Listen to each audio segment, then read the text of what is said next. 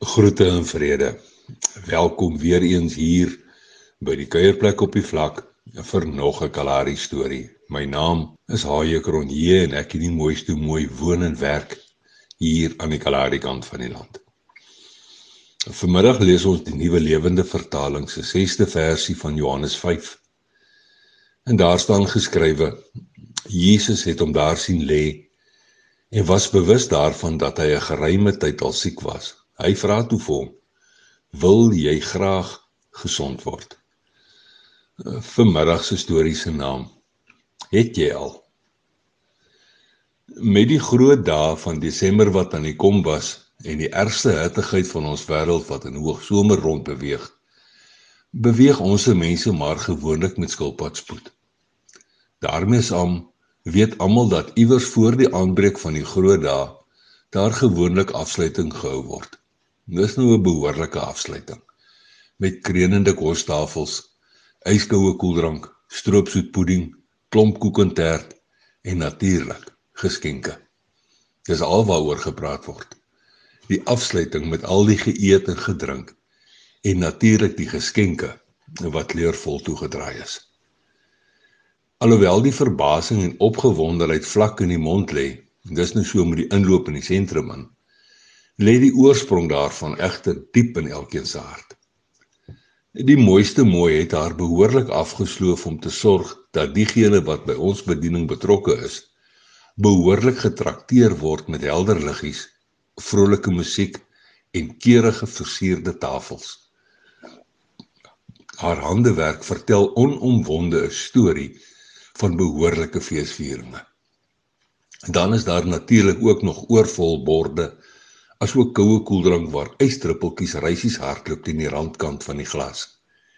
En die hoogtepunt is en bly natuurlik die geskenke. Moet tog asseblief nie van die geskenke vergeet nie. En so maak ons daardie jaar se saak toe. Ons eet en drink en lag en gesels.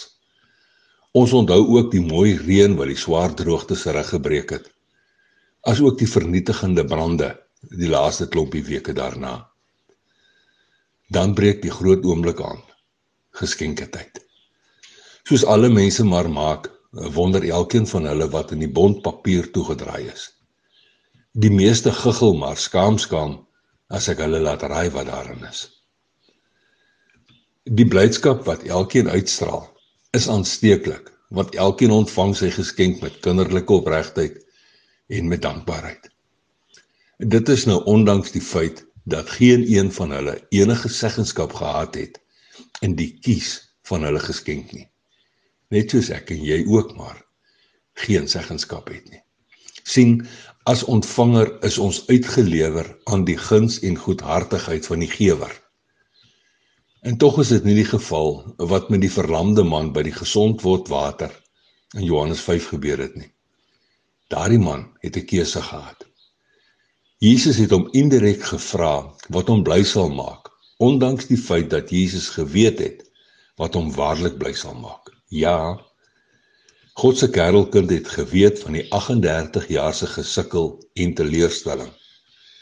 Hy het ook geweet van hierdie man se hoop, drome, ideale en verwagtinge. Jesus weet van alles en nogtans vra hy. Hy wil weet wat hierdie verlamde man as geskenk wil ontvang. 'n Geskenk toegedraai in bondpapier wat sy hart bly sal maak en sy lewe onherroepelik verander. Nou vandag, na meer as 2000 jaar later, weet die kerelkind van God steeds van alles. Hy weet van ons kopseere, ons seer lywe, ons siek binnekante, ons gebroke verhoudings, as ook ons leebeursies. Hy verstaan al ons hartsbegeertes, ons drome, ons ideale en natuurlik ons verwagtinge. Jesus weet alles van alles en tog vra hy so op die voorhand wat jou en my sal bly maak. Wat ons tot in ons diepste diep bly sal maak. Ons moet hom net vertel. Ek het maar wat van jou? Nou ja, toe. Tot 'n volgende keer. Los mooi spore en seëninge.